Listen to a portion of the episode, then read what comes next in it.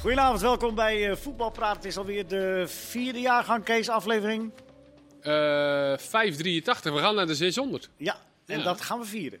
Oh, dat wordt groots Komt uitgepakt. er weer een WK-praat trouwens? Of wil je het daar straks over hebben? Chris, wat denk je zelf? Ik denk het wel. Zonder WK-praat is er toch, gaat dat hele WK toch niet door? lijkt Met? WK-praat is dit ooit begonnen. Hè? Ja? Eh, ja, ja. zeker. We gaan even terug in de tijd. Jij weet het allemaal nog. Mooi hè, was Chris? dat. Voorspelde ik toen niet dat Kroatië in de finale zou komen? Was dat Voor mij zei jij toen inderdaad eh, dat Frankrijk Ja. ging winnen. En dat een eigen goal van Mandzukic eh, dat er ging vallen. Zei jij toen in de eerste ronde al. Nu zit je Het me is wel belachelijk onbeschoft gaan Dan beginnen we weer. Dus Marciano er een keer niet bij. En dan gaan we toch weer... Chris, ik ga jullie eerst Ja, even voorstellen. sorry. Ga daarna lekker door. Ja. Jordi Amali, Goedenavond. De, de, de kokkerman van, eh, van de ESPN.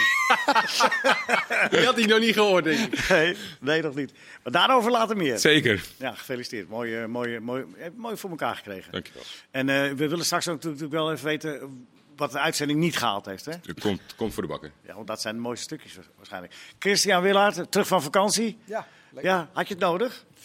Ja, altijd. Ik vraag jou dadelijk ook wat je is opgevallen deze week, voor zover je het hebt meegekregen. En Kees Kwakman. Kees, fijn dat je er bent. Ja, leuk weer. We gaan weer beginnen met de competitie. Zeker, kan wel weer nu. Ja, toch? Ja, nou ja, goed. Eh, uiteindelijk heb je, kom je wel aan je trekken met die eh, Nations League eh, potjes. Ja. En Het is is dat- en blijft toch wel een verbetering ten opzichte van vriendschappelijke potjes. Zeker. Ja. Ja.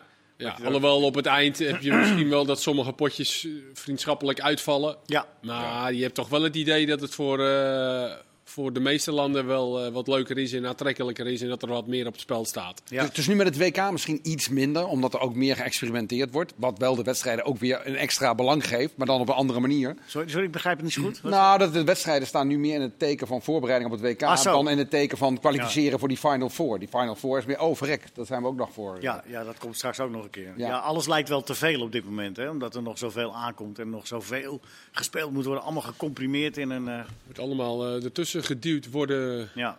Ja, maar anders hadden we nu tegen eh, Nieuw-Zeeland en eh Ivoorkust gespeeld. En dan heb ik Had eigenlijk... je alsnog ja. twee uitzwaaiwedstrijden gehad. Ja.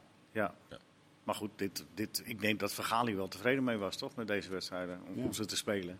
Je weet toch wel iets meer. Maar hebben landen als eh, eh, Engeland, Frankrijk, eh, België misschien het allemaal niet zo serieus genomen? Of minder serieus genomen?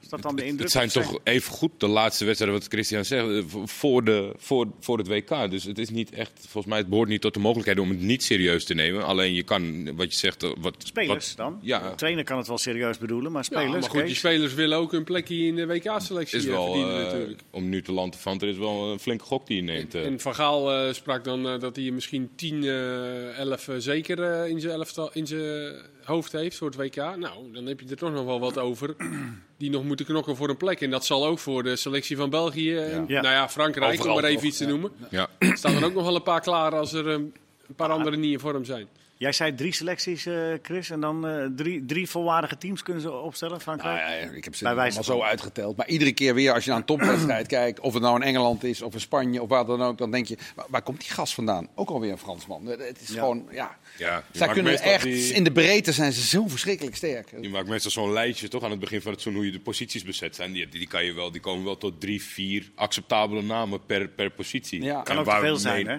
Nou ja, de- de- Te over, veel is het, ook onrust, toch? over het algemeen is er uiteindelijk ook altijd wat bij Frankrijk wat in de weg zit. En eh. wat, en wat echt bijzonder is, als je die drie teams zou maken, er zijn er eigenlijk maar twee die meegaan. Hè. Dat derde team, dan zou je op 33, 34 komen, of wat is het? Dan, die, die gaan dan niet mee.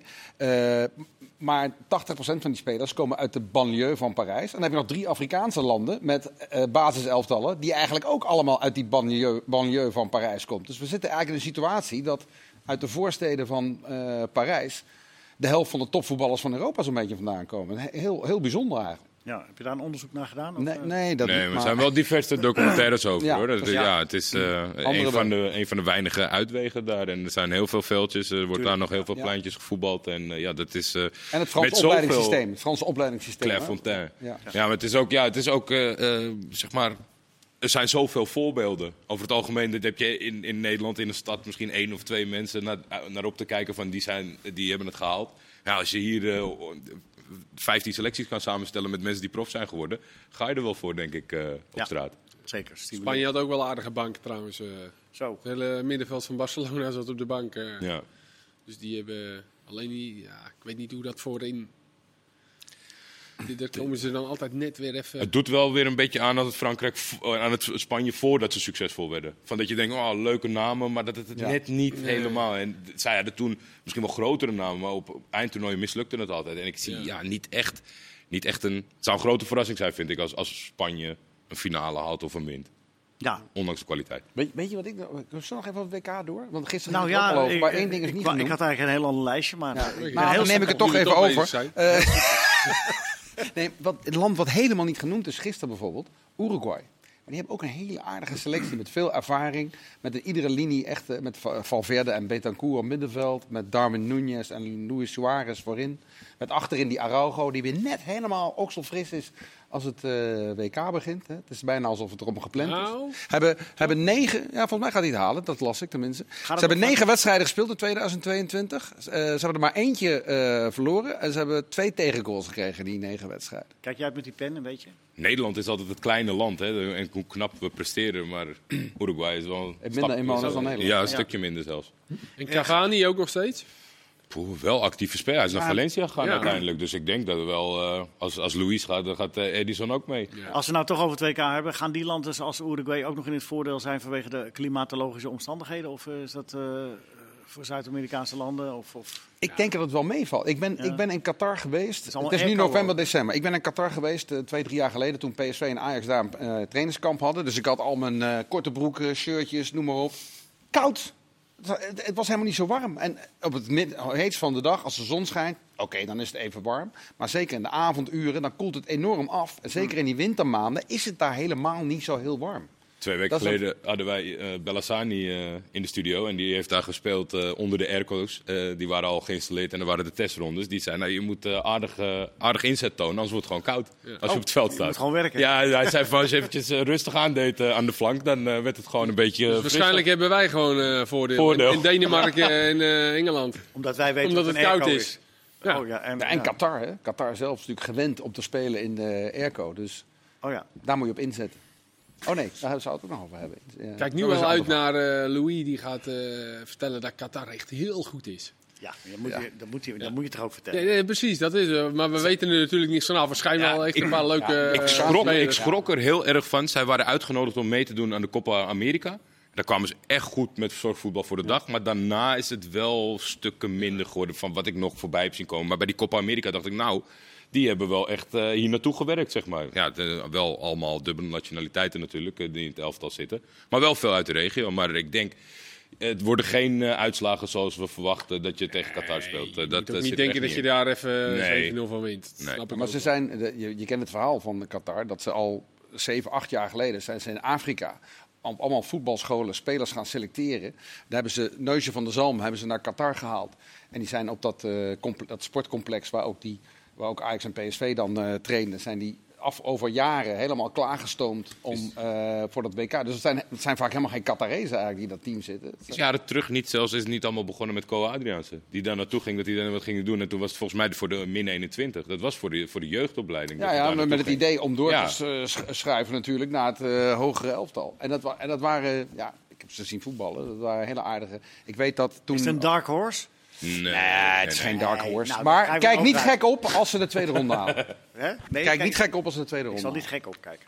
Ik ben, ik ben degene die ook Kroatië in de finale eh, had gespeeld. Zeg er maar. Nou, dat, we hebben geen- zijn geen beelden. Qatar, jongens. Hou ze in de gaten. Ja, ja, Qatar houden we er gaan. Ja, goed. eh, nou, dan kunnen we nu beginnen met het programma. Eh, nee, eh, ik, ik, ik had jullie gevraagd eh, of jullie iets op... Het is een beetje een rustige week. Eh, ik, ik, ik wilde wel, eh, voordat we beginnen, verder gaan eigenlijk. Even aandacht voor eh, Rob Landsbergen. Dat is een, speler die een beetje voor jullie periode gevoetbald heeft. Van 1978 tot 84 bij eh, PSV. Eh, een jaar uitgeleend geweest aan Willem II. Was een van de eerste spelers die in Zuid-Afrika, Zuid-Korea ging voetballen.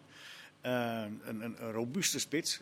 Niet, niet een vaste elftal speler, want hij speelde maar nou ja, in zes jaar tijd bijna 70 wedstrijden voor PSV. Maar hij is op 62-jarige leeftijd al overleden aan Alzheimer.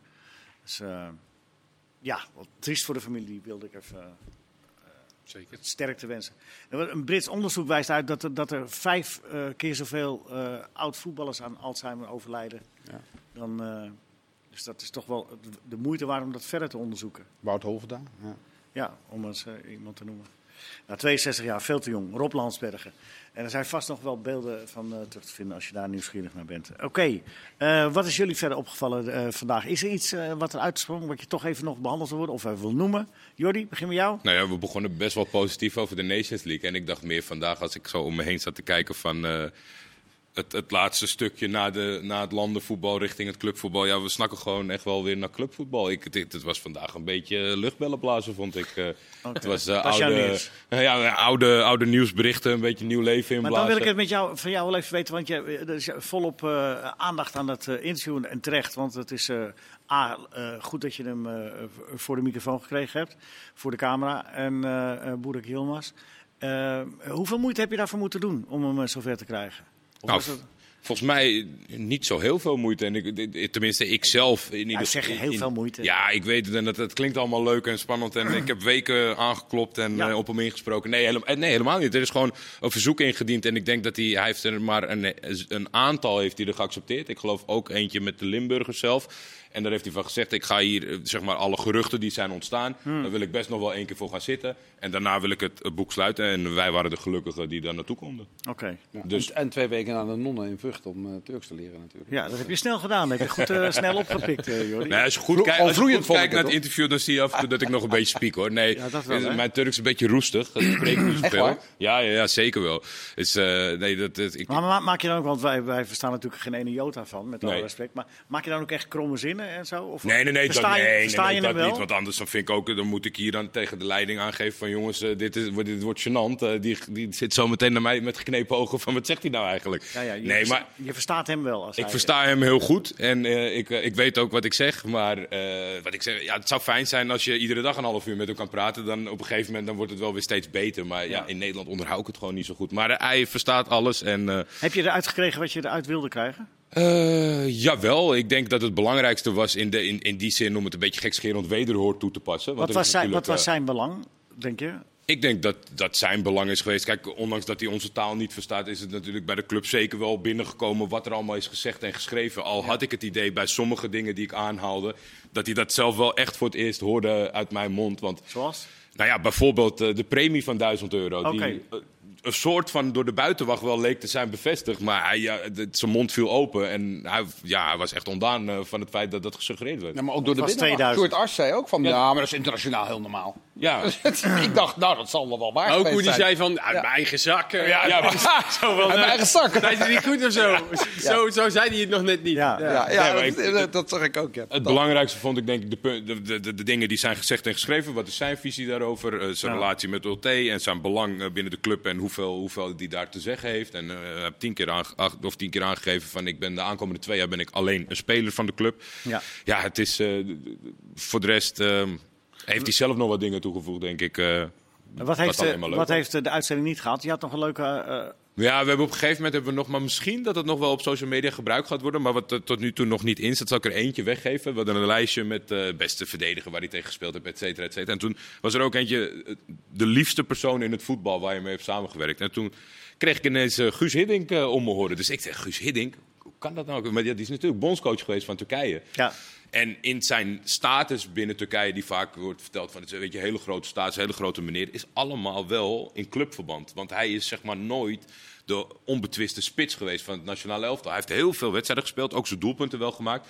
Maar toen, toen hij dat zei, begon het bij mij te dagen. En onder Guus Hiddink rendeerde hij voor het eerst echt goed in het Turks elftal. Dus ik denk dat hij gewoon echt een goede klik had met Hoe hem. kan dat eigenlijk, dat hij nooit echt... eh, want als je ziet, hoe de, de kwaliteit spat er echt nog wel van af. Weet je, Ja. bij, bij hem, zeker voor het niveau waar hij nu voetbalt, zie je echt wel dat dit een Gewoon echt een doelpunt te maken. Ja, maar ook wel gewoon met Ja. zijn lijf gebruiken. En dus hij, hij is nu al 37, dus ik kan me voorstellen dat tien jaar geleden moet hij toch gewoon een hele goede spits Ja, voor dat, Turkije, dat, was, eh, dat was absoluut zijn, zijn topperiode. Toen, toen was hij de spits van. Toen speelde hij samen met Sneijder en Drogba bij Galatasaray. Zijn ze verder gekomen in de Champions League. Ja, Maar was hij niet eigenlijk juist ook een paar jaar geleden, toen hij al dik in de 30 was, toen was hij eindelijk wel de onbetwiste aanvalsleider volgens ja, maar dat heeft ermee te maken dat hij heeft best wel lang op zijn plekje moeten wachten. Ja. En toen hij die eenmaal kreeg, was er een slechte periode bij het nationale elftal. En nou ja, daar heeft hij stand gehouden, stand gehouden. En op een gegeven moment, er kwam geen nieuwe Burak Yilmaz. Er is nog steeds geen nieuwe Burak Yilmaz. Ik wil niet weer hebben over de uitslagen van Turkije in de Nations League. 3-3 tegen Luxemburg. Nou, En- maar eh, Luxemburg. Ja, ja, met Rodriguez. Ja, wat ga je zeggen over de VAR? Nee. Daar hebben ze 2-1 van verloren. maar ja, dat was wel... Je hebt ook zo'n plan geschreven, hè? Vareur, tien jaar terug. Komt er nu uit. Ja, echt, echt, echt volledig off the record voordat we begonnen. Dat was ongelukkig, hè, die 2-1. Ja, die was, ja, dat had ook andersom kunnen, eh, kunnen Zijn uitgaan. ook helemaal geen niet. echte hoor. Eh, echt, echt voordat, eh, voordat het interview begon. En dat is natuurlijk een beetje mijn eigen belang. Ik zeg, eh, heb je de wedstrijden zitten kijken van Turk zelf? Dan die had hij zitten kijken. En toen zei ik van, nou, eh, gaat het dan niet een beetje kriebelen? Nou, dat was, dat was onbespreekbaar. Hij zegt, Blij dat hij daar niet, eh, niet op die Vareur-eilanden mee moest hobbelen. nee, dat denk ik ook. Maar ja, Maar zei die nou ook niet van bijvoorbeeld met dat akkefietje met de Moes of zo? Ik Ja. kan me voorstellen dat dat wel gebeurd is. En dat kan ook gebeuren, lijkt mij. Dat je in een Ja, kleedkamer daarvan- wel eens... eh, Daarvan is zijn reactie uit zeg maar, de hele de waslijst met de opstelling, bepaalde trainer ontslaan, trainer aanstellen. Dat was allemaal in de prullenbak. En, maar hij bevestigt het verhaal naar de Moes show, met de Moes show ook. Hij zegt, ja, maar weet je, we lopen net door de gang, er is niks aan de hand, het is voetbal. Hij zegt, het enige waar ik van baal, we zijn een team, we zitten in een bus, dat moet in een bus blijven. Ja. En hij zegt, ik respecteer de Dat was slim, journalisten. slim antwoord, hè? Journalisten die het opschrijven, dat is hun werk, het is nieuws. Ja. Maar hij zegt, dat is het enige aspect. Maar hij Dat is wel zegt, een slim antwoord klopt, van ja. hem. Want, want dan leidt hij af van waar de ruzie nu eigenlijk over ging. Dus dan legt hij eigenlijk bij het Ja. feit dat het naar buiten is gekomen. Dat eh, Een meningsverschil met stemverheffing, zei hij. ja, Niet lijkt, wel, uitgescholden. lijkt wel een politicus. Ja. Hè? nee, maar, maar heb je nou, heb je, jij hebt het gezien, Chris? Eh, en, en jij hebt ook. eh, heb je nou een andere indruk van, van eh Boerak? Want ik denk dat het voor hem een beetje de bedoeling was. Hè, ik, Dat denk ik ga ik me wel, nu even presenteren. Ja, maar dat is ook wel zo netjes uiteindelijk, toch? Zeker, dat zeker. Hij even, als er heel veel dingen geroepen wordt. En, Zeker. En, en aan de ene kant wordt het een beetje ontkracht, maar aan de andere kant ook weer niet. Door de club ook zelf. En je hebt natuurlijk lokale media die dingen die net weer wat meer weten. Voor ons was het ook op een gegeven moment een beetje lastig van ja, wat, wat is het nou wel waar, is het nou niet waar? En daar worden wij dan ook mee geconfronteerd. Eh, Sjoerd komt een paar keer voor de camera. De voorzitter kwam nog... eh, Wordt niet alles duidelijker van? zeg maar, Nee, ja, en van dan dat bent die voorzitter ook niet. Die ging ook op een gegeven moment een heel lijstje Ja, van dingen zeven allemaal, eh, punten waar een trainer Zeven aan moest punten waar een voldoen. trainer aan moest voldoen. Ja. Dat leidde ook totaal af naar de vraag. Ja, Die, eh, ja en de aftrap was al bijna, Ja. dus dat was ook lastig. Maar goed, uiteindelijk is het denk ik voor hem ook wel zo eerlijk dat hij eventjes... En of dat dan ook allemaal precies zo is zoals hij zegt, ja, nou ja laten we Ik- zeggen... Nou, ik wat ik wel mooi- oh, ja, sorry. Ja, maar Chris. Nou, wat ik er wel over wil zeggen is dat ik, ik heb me, ik, ik vraag me af hoe jij daarnaar kijkt. Eh, ik heb me een beetje gestoord aan hoe de Nederlandse sportjournalistiek naar het Fortuna Sittard verhaal heeft gekeken. Er zijn natuurlijk best ding, dingen waar je kritiek op kan hebben. En we weten dat er in Turkije soms bij clubs dingen gebeuren zijn die misschien in Nederland minder snel gebeuren. Maar dat wil niet zeggen dat als er een trainer ontslagen wordt, dat je meteen maar moet roepen Turkse praktijken. En ik heb een aantal keer met Isitan Gun gepraat. Het is een hele transparante, zeer intelligente man, eh, buitengewoon eh innemend en Bovendien, wat bedoel je dan met Turkse praktijken, wil je zeggen? nou, dat bedoel ik. Wa- Waarom zou je dat moeten zeggen? Ik hoor dat steeds. Weet je wel? Ja, zo gaat dat met die Turken. Weet je wel? Ja, ik vind het een beetje stereotypering die eh, niet op zijn plaats is. Dat gevoel had ik erbij. Ja, Kun het je is- in het is- algemene zin eh, afvragen of het goed is voor een club dat, dat in de handen is van één persoon? Daar kun je van afvragen of Ja, dat precies, in algemene zin zijn een heleboel dingen. Hè, want, Zij hij, zitten er al heel Ja, lang. En, en dat was natuurlijk Ja. wel opvallend. En ik denk dat op een of andere manier Boerak wat dat betreft het niet helemaal goed is gevallen. Want, eh, al die, want al die reputatie die was opgebouwd in die jaren.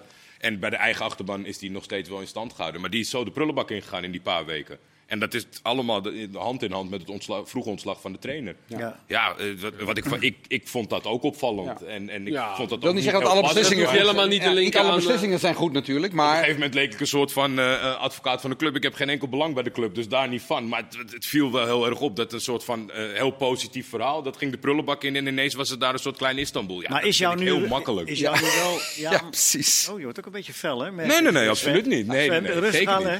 Nee, maar, Nee, maar goed, het was uiteindelijk was het... eh, Wat zei je Je hoeft dat ook helemaal niet met, met Turken te linken. Eh, dat, het was gewoon raar dat ze gewoon aan het eind van het jaar Ja, eigenlijk nog over nadacht om Ulte te verlengen. En na drie wedstrijden, waaronder Ajax Ja. en Twente, denk je precies. van... Ik denk je maar terugkijken op Mag, dit daar, mag, seizoen... mag dat ik daar nog ja. even wat over, over vragen? Eh, want die vraag werd gesteld, hè? Zit jij, heb jij, ben jij van invloed geweest hè, met die opstellingen? Der, kwam hij geloofwaardig over in zijn antwoorden? Geloofde jij hem? En eh, eh, dat hij ook niks te maken heeft met het ontslag van Ulte en dergelijke. Geloofde jij hem? Is, was het verhaal goed?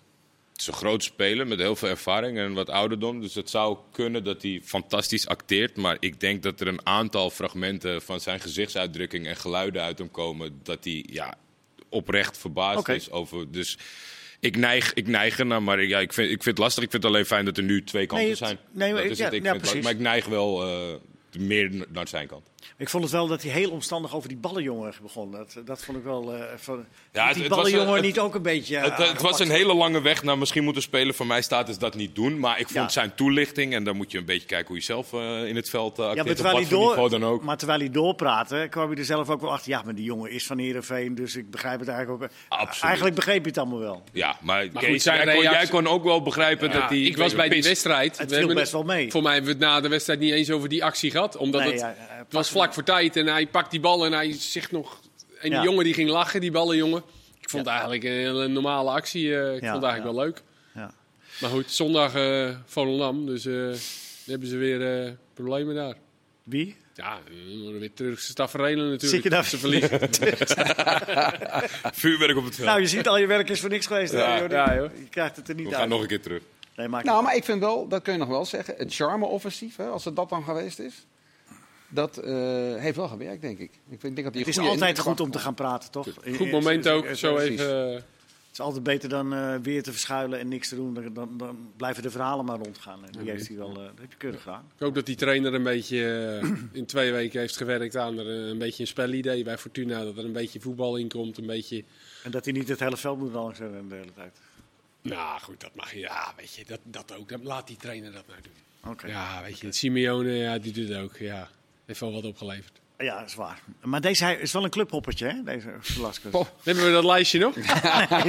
Hans heeft het toen opgelezen. Toen was een half uur van Goedemorgen om. Ja, precies. Ja. Nou, het, het eerste gedeelte zit er al op, jongens. Maar ik, ik ga, wil het dadelijk hebben met jullie over eh, de top 5. Mogen- maar bij de opening mochten we toch allemaal zeggen wat ons opgevallen is. Ik heb Ja. nog helemaal niet mogen zeggen wat mij opgevallen Nou, je Is hebt je- nog oh, is je net 22 opgevallen? seconden. nou, kun ja, je ja, dat kan niet in seconden? 20 seconden natuurlijk. Ik heb Nee? eh, Wat was is het mooi? Nou, oké, nou, Eh, ik- nee, nee, is de goede cliffhanger? Goede cliffhanger. Nou, laten mij is iets opgevallen net in het radioprogramma van Robert Meder Oh, van ja. de NOS. Heeft te maken met eh, gokken. We weten, eh, Nederlandse voetballers staan de wel eens met... En de VVCS. Precies, En sponsoring. ja. Nou, Plastic zakken. meer zeggen we nu niet, maar dadelijk wel. Tot zo.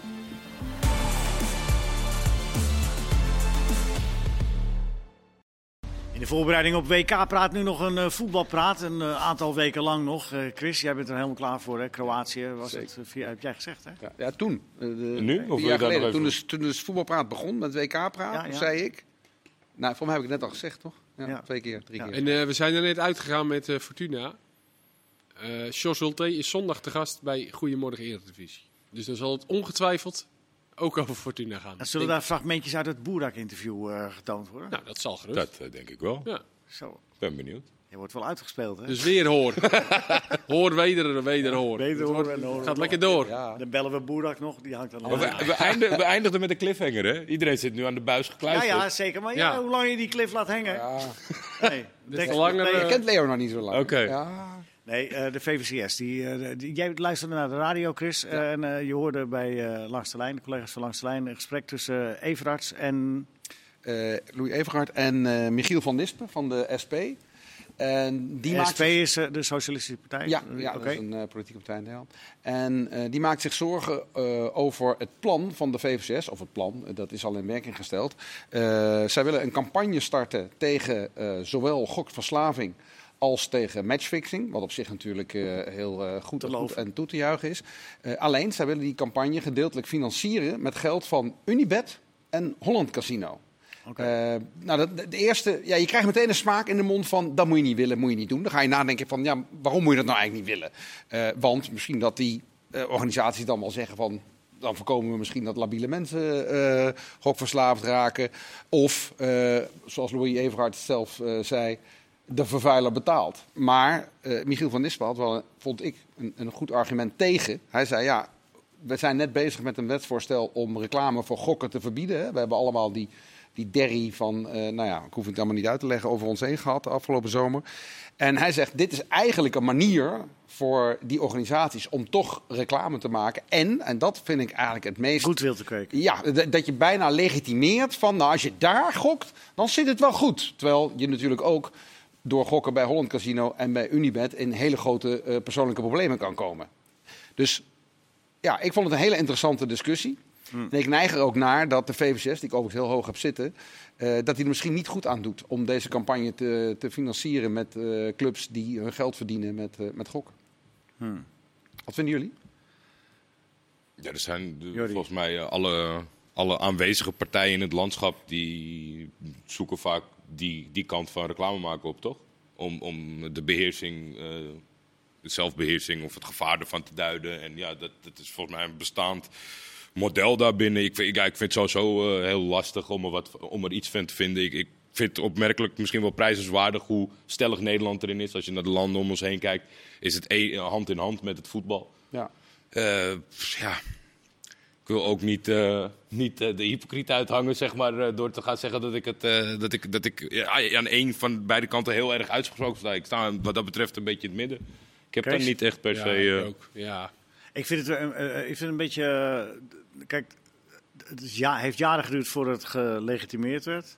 En toen werden ze eigenlijk losgelaten en zo'n stel jonge honden zijn ze de reclame gaan gebruiken. En hebben ze zichzelf mee in de, in de voet geschoten, blijkbaar. Want nu wordt het weer allemaal een beetje teruggedraaid. Het, is- het is van alle kanten een beetje hypocriet, vind ik. Het is ook van de politiek wel een beetje hypocriet. Ja? Die hebben, het, die hebben het eerst toegestaan. En dan komt het als een boemerang terug.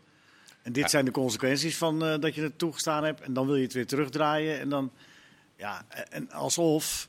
Is het misschien ook een beetje het- onderschat? Ja. onderschat van, want het- kijk, er, er was natuurlijk altijd eh, maar één partij. Maar, maar, Chris, dus de- die- maar die denk zijn er altijd denk- geweest. Ja, Denk maar je dan niet dat eh Unibet en Holland Casino in dit geval het, het, het, beste ermee voor hebben? In de zin van dat zij Ik begrijp wat je bedoelt. Ik begrijp, maar is- natuurlijk... Er zijn, kijk, er zijn twee verschillende dingen. Eh, twee verschillende, ik, aan de ene kant geloof ik dat organisaties als Unibet en Holland Casino zijn er niet, niet bij gebaat dat er over een jaar massa's aan mensen zijn met financiële problemen en aan de drugs en eh, op straat, omdat ze door gokverslaving eh, aan, aan de grond zijn gekomen. Dat is alleen maar slechte PR voor hun. Dat is helemaal niet goed voor hun business. Het zijn ook serieuze bedrijven volgens mij. Alleen het moment dat je je als VVCS, hè, toch Ja. in principe een non-profit organisatie die voor de belangen van werknemers in een bedrijfstak opkomt, je verbindt aan gokbedrijven om voor te lichten over gokken, dan dreig je een legitimatie te geven aan. Daar ben Dus ik het wel mee eens. Dus het hetzelfde als- vehikel dat het is gebruikt hetzelfde als wordt. Ja, maar UNICEF het- betaald wordt ja, door Marlboro maar om Chris, kinderen uit te leggen Chris, dat ze tot de het is- 18e het is moeten wachten roken. Het is legitiem. Nee, Het maar nee, eh, Ja, het, het het is legaal. le- Het ja, is legaal. legaal, ja. Maar het is niet altijd verstandig en zeker niet Nee, voor een hele is, grote dat, is een groep mensen. ander, dat is een ander verhaal. Nou ja, Maar het is, maar het is, het is dat- legaal verklaard. Want, want ja, in Dus, principe doen, roken is ook doen hun legaal, niks maar we verkeerd. zeggen- Unibet en Holland Casino, want ze doen iets wat legaal is, inderdaad. Maar ik dat, dat het- maar ik zeg ook niet dat het niet legaal is. Maar dan maar zou je dus ook de het punt- Heineken... De, Het punt zit meer op de VVCS die dat, dat op die manier inzetten. toch? En ik Ja. denk dat we het daar allemaal wel mee eens zijn. Dat het voor een VVCS niet handig is om zich daar te koppelen. waarom niet? Ja, het is toch een uitgesproken eh, organisatie in belang van het voetbal. En eh, Ja? moet je dat willen? Maar, maar het matchfixing is natuurlijk misschien Wat anders. is, is natuurlijk net wel wat anders. Nou, die campagne van- gaat over beide. En zeker Met dat matchfixing dat, is dat, ook in dat het belang spelers van. zich ook Ja. makkelijker kunnen Ja. melden ergens. Ja. Met, Nou, met, ja. met- als ze benaderd worden, dat Nou, wat er, wat, er bijvoorbeeld, wat er bijvoorbeeld wordt gedaan met het geld, is er wordt een app ontworpen die spelers kunnen downloaden. En met die app kunnen spelers unaniem kunnen ze een melding maken van pogingen tot matchfixing. Ja, dat, nou, is toch, toch? iets- dat is bijvoorbeeld iets heel goeds. Ja. Ja. En daar werken dan ook Unibet en Holland Casino aan Ja, mee. en, en in ruil daarvoor, dat heb ik nog niet verteld, in ruil daarvoor mogen Holland Casino en Unibet mogen zeggen dat ze maatschappelijk partner van de VVCS zijn. En daar wringt dus ook de schoen dat dat een soort reclame is voor gokken. Ja, maar weet je, Heineken verbindt zich aan de Champions League. Eh weet allemaal dat drinken niet gezond is. Daar maalt niemand meer om. Het is Dus wel, waar- het is wel waar- dit, waar- dit waar onderwerp je- is er extreem uitgepikt eh, de laatste periode. Nou Messi, eh, Messi aan eh, chips. Weet je hoe slecht het is, chips? Ja. en Liga koeken gaat wel, hè? Liga, Liga is goed. Vandaag, Liga- Liga is Virgil, is... eh, Dus dat ja, Wel slechte, wel slechte reclame hoor. Ja, Opgevouwen in die Liga- voor de rest Liga. Zou, zou die echt zo opgevouwen zitten? Ik denk het niet, Leo. Nee? Maar ik Ik twijfel. vond hem wel een beetje stijfjes, die laatste Interland. Ja, de- Ja, ik zag hem wel een beetje... als je de hele dag die reclames moet doen. Valt niet mee. Nee, goed, eh, goed, eh, goed onderwerp, Chris. Dat was wel de cliffhanger waard. Maar ik, ik, ja, ik, ik, ik, ik- ik vind het een beetje, in de algemene zin, een beetje hypocriet om er keihard over te vallen. Maar ik ben er ook niet 100% eh, dat ik erachter sta. Ik heb ook het idee bij, bij Yevgeny Levchenko ook dat die daar wel over nadenkt. Weet je? Dat, dat, die is natuurlijk een van de hoofdrolspelers die het ook het initiatief volgens mij heeft genomen. Ja, dat die... Je pakt Ja. het voordeel er maar uit, denk ik, dat, dat ze gedacht ja, hebben. dat, En- dat, dat, Nou, je moet je afvragen welk ja. effect is groter. Het effect dat je legitimeert, niet legaal maakt, maar legitimeert, de drempel verlaagt voor mensen. Oh, het zijn maatschappelijke partners van de VVCS, dus als, als ik daar gok, zal het allemaal wel meevallen. Is dat, effect dat negatief? voor- ze toch niet? Nee, joh. Dat is toch niet de boodschap? eh, de echte Dus- probleem, Nee, gokkers en maar- dergelijke, die kijken daar toch niet naar, Chris? Daar zit het probleem toch niet? Ik denk dat En je... de huistuin en keukengokker ook niet. Nee. Nee, maar het is wel natuurlijk zo, hoe, eh, eh, die gokbedrijven maken niet voor niks reclame. Hoe meer je confronteerd wordt met namen van bedrijven die die dienst verlenen en je bent daar gevoelig voor, hoe groter de kans dat je het ook gaat doen. En als deze bedrijven Zeker. mogen zeggen, ik ben zijn maatschappelijk partner van de VVCS, dan heeft dat een promo- promotieachtig effect. Dat Oké, kun je niet dat, is, dat is het bijeffect. Maar Het is, al een, het is al een beetje geluk voordat het van En er de zit ook grond heel veel komt. goeds in. Het is Radio ook niet 1, zwart-wit wij... Ja, we hebben het er al eh Ja. acht minuten over. Ja, daarom. Is die cliffhanger van jou, dat is wel een hele grote cliff voor. Het is de hele kust van Zuid-Engeland. eh. Dus we hebben nu weer eh, we hebben weer een probleem. tientallen Want- mensen aan de aan Want de Kees heeft het programma nog altijd niet geopend. We zitten al halverwege deel 2. Kijk, wat had ik ook? Ik weet, ik weet ook niet meer wat ik had. Dus, Nee, eh, maakt niet uit, gaan slaan we we door. komen we er goed mee weg. slaan we dat over. Ehm, de, de top 5. in eh, het Algemeen Dagblad van vandaag werd er gesproken over... misschien is er geen top 2 meer of top 3, maar er is wel een top 5. Als we naar de stand kijken, dan zou je met een beetje goede wil Twente er ook nog bij. Maar dan staat PSV 7 gespeeld, 18, Ajax eh evenveel punten, AZ 1 puntje erachter en ongeslagen. Feyenoord daar weer 1 puntje achter. Eh, en, en Twente staat dan op, eh, op, op, op 13 punten, maar er ook nog bij in de buurt. Het is na zeven wedstrijden. Ik wou net zeggen, het zeven weken geleden stond het heel anders over de verwachtingen Ja, van de top. eh, op nul. ja, dat- nee, de ranglijst ook, maar ook de verwachtingen. Ja, over ja. het feit van of, of PSV überhaupt Ajax kon bijhouden en dan, Ja. dan weer daaronder. En nu gaan ze alle vijf bij elkaar blijven. Denkt men. Nou ja, het, is, eh, ja, nou ja, het zou kunnen. Eh, AZ doet het verrassend goed. Of, Ja, zeker wel. En zeker ook wel met de mensen die ze missen natuurlijk. Dat is al wel vaker benoemd. Eh Carlson en daarna ook Pavlidis vrij snel. Bazoer nog niet. Nee, ja, die wordt daar dan ook altijd een beetje bij genoemd. Maar die nu niet meer. ja, vind eigenlijk niet dat hij in het rijtje Pavlidis eh Carlson hoort. Eh, Bazoer. Bazoer niet. Nee, dat moet eerst nog blijken. Ja, precies. Nee, zeker, maar goed. het- ook- Ja, en Martens Indy wel, eh, ja, die ze dan gaan missen. Maar dan, hebben ze, dan gooien ze er gewoon die jonge jongen voorop, Ja. eh, Maxime Dekker. Ja, dus even, eh, even, even kijken hoe lang ze het volhouden AZ met het Europees voetbal ook erbij. En Ja. hoe lang het nog duurt. Carlson was volgens mij wel weer eh, aan het terugkomen. Gaat, gaat, is weer speelklaar. Ja, dat scheelt zelfs. natuurlijk Geen wel, 90 dat die, minuten, eh, maar ja. Dus Ja. dat is, eh, dat, dat Maar gaat dat knap gaat wel geopend in ieder geval, hè, met, met al die tegenslag. En eh, als je het vergelijkt ook, het valt extra op omdat het de afgelopen twee seizoenen... Ja, nou ja, en zeker tegen het Ajax eh, die wedstrijd. Toch, En, hè? en, Die wie, ze- en wie gaat eruit voor Carlson? Ga je, omdat het zo goed rijdt, dan ga je natuurlijk Ja. wel denken. Nou, laten we dat simpel, even lekker aan Pascal Jans, eh, Chris. We gaan Brede even... rode eruit, toch? Chris, we gaan, die, die- maar is er sprake van een top 5? Of Ik zeg van niet. jij zegt van niet, eh, Kees? Of is dat voorbarig? Ik weet Ja, dat weet ik niet. Op dit moment wel. Niet. Ja. Twente staat drie punten. Ja, die staan op eh, al. 13 punten. En die staan op 5 punten van eh, PSV. Nou ja, dan hoor je dat dan. Maar club- het zou ook niet gek zijn als Twente gewoon vierde, vijfde. Dan hebben ze het toch gewoon. Nee, het is ook niet gek als dit de eindstand is. Alleen de- Nee. de, de- ik denk niet dat ze het. Laten we het hopen dat ze zo lang om- mogelijk, Om, plek eh, 1 gaan spelen. Nou, laten we Dat Twente dan even met alle ja, met name AZ en Feyenoord verwacht je dan misschien eh, dichtbij. Maar dat is toch op zich allemaal heel logisch. Ja. Dit is toch niet heel erg gek Nee, dat nee, het zo nee. staat? Nee, het is leuk. Nee, maar goed, om dan een artikel aan te wenden. Nou, dit wordt de top 5. Ja, dat Ja. wordt de top 5 waarschijnlijk. Oké. Chris, ik, ik brak jou een beetje af van eh, wie er voor Carlson in moest. Maar ik vond, eh, Nou, eh, Brederode zeg je, maar je hebt natuurlijk nog FJN, je hebt Utgaard. En als FJN Pavlidis terug is, moet er nog één uit. FJN is toch ook geblesseerd? is geblesseerd. En ze Oh, zijn nooit allemaal even fit tegelijkertijd. Nee, precies. Dat is geen probleem. Oké, daar Pascal zullen we het niet over te hebben, zeg je eigenlijk. Nou, dat eh, probeerde ik eigenlijk te zeggen. Als ze ja. allemaal fit zijn, is het. Want Etienne deed het inderdaad wel goed de laatste weken voor hij geblesseerd raakte. was maar mij one to watch van vorig seizoen. Je was te vroeg. Te vroeg. Wie had je dit seizoen? Want dan kunnen we daar volgend seizoen alvast op, eh op Toch weer FJN. Oh, oké. Toch weer gewoon, gewoon niet gewijzigd. Dat is beter. Ehm, ja, eh, de, de, de, de competitie gaat beginnen. Gaan we daar nog even over hebben. Maar eh, de WK komt er ook aan. Hebben we net ook een beetje gekscherend over gehad. Maar ehm, altijd als er een WK is of een EK, dan wordt er in de arbitrage nog wel eens wat veranderd. Wat aangepast. En daar gaan wij dan met de argusogen naar Een kijken. nieuwe poging. Een nieuwe poging om, om het voetbal te verbeteren. Als wij het eh, voor het zeggen zouden hebben, welke regels zouden we dan aanpassen? Eh, wie mag ik daar eerst voor? Voor Jordi? Jij? Ja, dat is goed. eentje? Er is volgens mij wel al één verandering bevestigd. Dat is wat over de techniek rondom buitenspel. Ik weet niet helemaal of het helemaal geautomatiseerd is, maar er- er zijn nieuwe camera's. En volgens mij is dat in een split second buitenspel of geen buitenspel. Wat ik zelf heel prettig zou Dus vinden. daar hoeft de VAR niks meer aan te doen. Dat is eh, gewoon. eh, Nee, volgens mij is dat eh, een beetje als die eh, doellijntechnologie. Dat het gewoon instant. Alleen ik weet niet of, zeg maar, of de scheidsrechter al een piepje kan krijgen van nou, hij staat buitenspel. Ik weet niet of het zo gefine-tuned is, maar daar gaan ze wel wat aan veranderen. En dat het sneller gaat, dat is natuurlijk prettig. Dat we daarvoor Ja. niet naar de maar dat is, dus, dat is dus waarschijnlijk, eh, als we terugkomen bij, het, eh, bij de gewone competitie, dan hebben wij die technologie Nee, niet. nee Dus dit is een eerste test. Maar over het algemeen, als die test geslaagd is, dan zien we het wel langzaam natuurlijk in het Europese topvoetbal. Tenzij het heel veel kost. Dat zal wel wat kosten, ja, Ja. denk ik. Ja. Ja, dat is, je moet, Doellijntechnologie en je moet, en je heel veel hè? camera's hebben. Je kunt zo'n systeem niet hanteren als je maar vier, zes of acht camera's hebt. Je moet dan heel veel camera's rond het hele veld. het zou kunnen dat alleen Qatar dit kan betalen. dus dat het alleen blijft bij toernooien in Qatar. Moeten we daar gaan spelen voor die wedstrijd? Wat ik zelf heel prettig zou vinden is als de scheidsrechters verplicht zijn om eh, de blessuretijd de blessuretijd eh, te laten zijn. Dus er worden vier minuten gegeven, dan gaat iemand op de grond liggen, dan gaan we de stopwatch in en dan gaan we net zo lang voetballen tot die vier minuten zijn gespeeld. Dus blessuretijd, zuivere speeltijd. Ja. Dat zeg je. Ja, Dat is, dat is een leuke. Ja.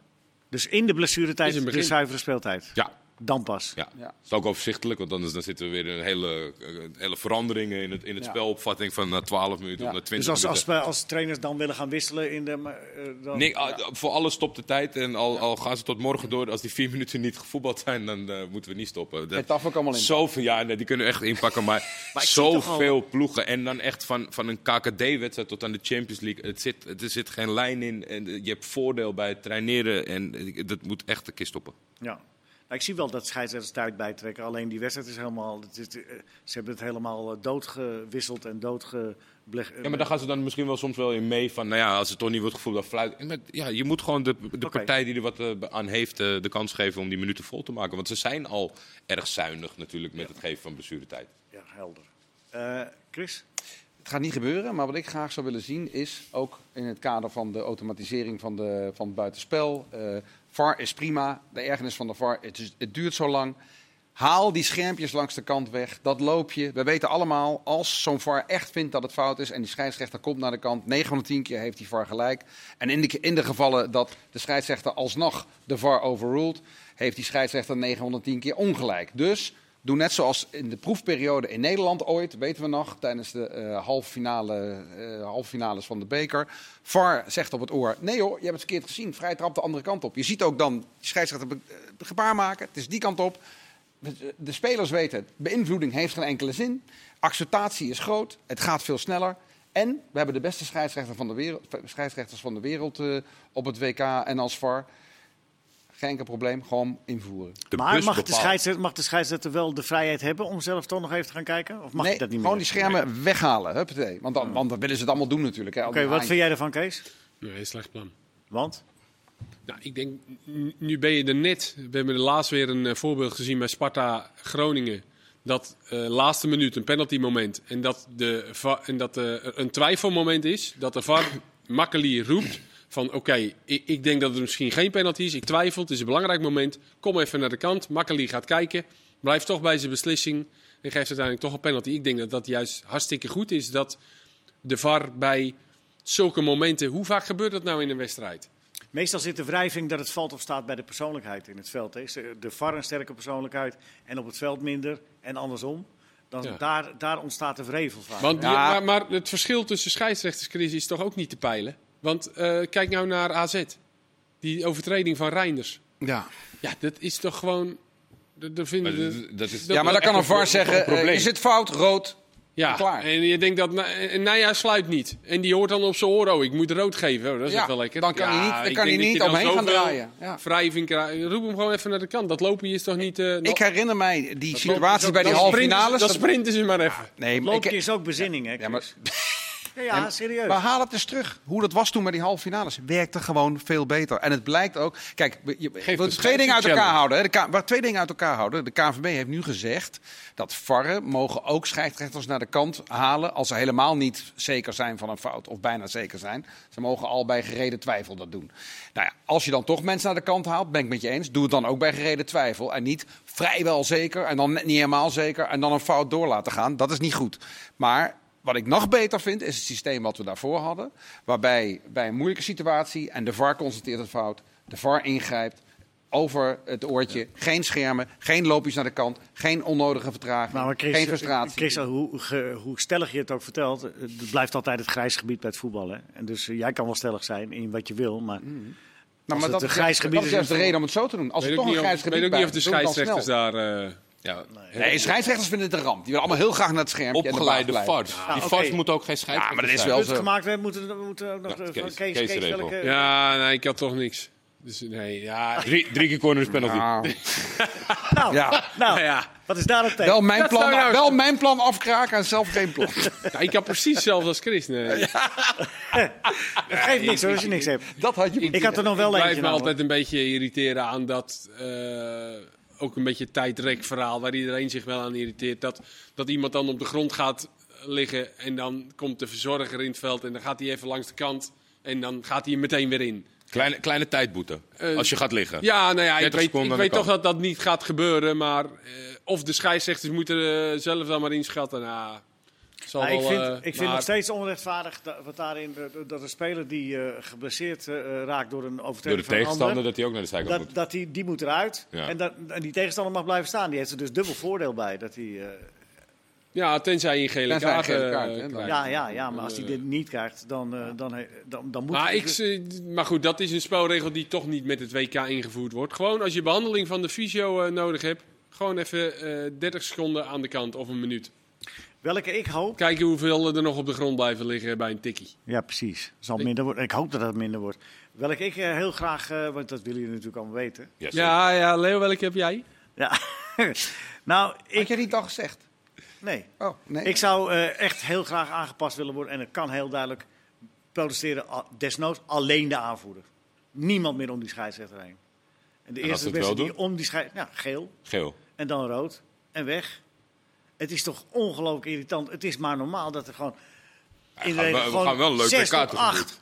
Wap. Op Dan die gaat Spanje de scheidsrechter. tweede ronde niet halen, dankjewel. Hè? Nee, ik denk heel Zuid-Amerika, die, eh, die heeft geen speler over. Nou, maar ja, het is, je Het is toch heel wel simpel. Het is, het is een hele Je simpele bent er heel regel. stellig in. Ja, Je ik, zou hem misschien wel eens... eh, we hebben natuurlijk die spelregel eh, Cup. wedstrijden, eh, Chris, die wij altijd doen. Dus kunnen ze er wel eens een pa- paar van deze tegenaan gooien. Van deze regels. Maar deze is, toch niet moeilijk? deze is toch niet moeilijk? Ja. Je gaat niet naar Nee, die dat is ook scheidsrechter. niet moeilijk. Ja. Nee. Ja, je bedoelt die, die met de nieuwe... Die, Ja, met die nieuwe regels. Ja, ja, ja. ja, ja, Dit is er eentje die van jou niet. Maar deze, die ja. van mij. Jij kan echt niet, Chris. Nee, maar het is, het is toch echt... Je ergert je toch dat, dat erbij... En Nee. die scheidsrechters het ook maar normaal vinden... Dat ze, dat ze belaagd worden door deze en ze allemaal te woord staan... en ze ook nog vriendelijk wegwuiven. zijn ze niet, want volgens mij is de regel niet aangepast, maar volgens mij zijn ze zelf gestopt met gele kaarten daarvoor geven. Dus Ja. er zijn tijden geweest dat protesteren geel was. Ja, Kuipers heeft het toen gedaan bij eh, Ramos. Ja. Weet je, dat hij toen eh, in zijn oren hoorde, komt hij aan, komt komt hij aan. aan en Hup, omdraaien. Ja. Meteen. En dat had eigenlijk de lijn moeten zijn die Ja. met name in het internationale Ik voetbal door had getrokken moeten worden. In mijn herinnering, als er echt gewoon een, een groot duel was, dan was er ook wel eens een scheidsrechter die besloot van, nou, laten we het even. En dan nu even een gele kaart om het dan weer even... Want dat, dat heeft meteen effect. Wat jij zegt, dat heeft meteen effect. Ja, Want ja, doe het maar nog een keer dan, als je ik, durft. ik denk dat je dit heel zwart-wit moet doen. Ja, want, dat is want- weer toen. eh, Ja. dat Ja, was wel een, dat was wel echt een statement van, een- eh, ja. van Kuipers toen. Maar het is wel een cultuur die je moet omdraaien. Hè? Op een gegeven moment komen er ook richtlijnen in het voetbal. Als een scheidsrechter helemaal uit zijn doelgebied komt lopen om te protesteren, moet Nee, je hem geel geven. Met andere woorden, die andere niet. Jij bedoelt Ja. een keeper, hè? Of, waarschijnlijk. sorry, een keeper, ja. En jij wou dat- Ja, die scheidsrechter die moet je Ja, ook maar daar draait dus ook Dan mij- het is. Was het niet Benitez die met die Johan Cruijffschaal, eh, die kwam aanlopen om de boel even uit elkaar eh, te houden en die kreeg geel. Ja, ja, het staat in de dan staat je het ook boekje. weer een beetje ja, eh, ja, door. ja. Oké, nou ik hoop dat er een van die regels eh, doorkomen. Ehm, Ik denk, die, ja. maar eh, Chris moet dan eh, bij, bij, tot slot, eh, bij die, die, als die regel voor jou door zou- moet dan die scheidsrechter een microfoon krijgen dat hij aan de mensen kan uitleggen wat, eh, wat de beslissing is geworden? Nou, luister Ravi helemaal door. Nee. Nee, dat er niet? Oké, nou goed. Eh, welke, welke wedstrijd ga je naartoe, eh, Kees, het weekend? Cambuur PSV. Mekkeris. En naar eh, RKC Sparta. Dat wordt een leuk potje. Twee Kees, ploegen die, eh, die het goed doen. Ja, Dus dat wordt wel eh, een leuk potje, denk ik. Zondag, voetbalkantine. Daar ben ik. Jij kan zo langzamerhand niet meer over straat heen, Jordi. En nog steeds wel goed, Nee, eh, hoor, dat wordt nog wat. Hebben we nog wat? KKD, hè, morgen. Even kijken. Ja, ja, welke? NAC VVV. Eindhoven. Dordrecht. Telstar Jong Utrecht. Telstar Jong Utrecht. Mensen, Eh, dat als dat geen kraken wordt, nou dan weten we het niet meer. Dank jullie wel allemaal. En,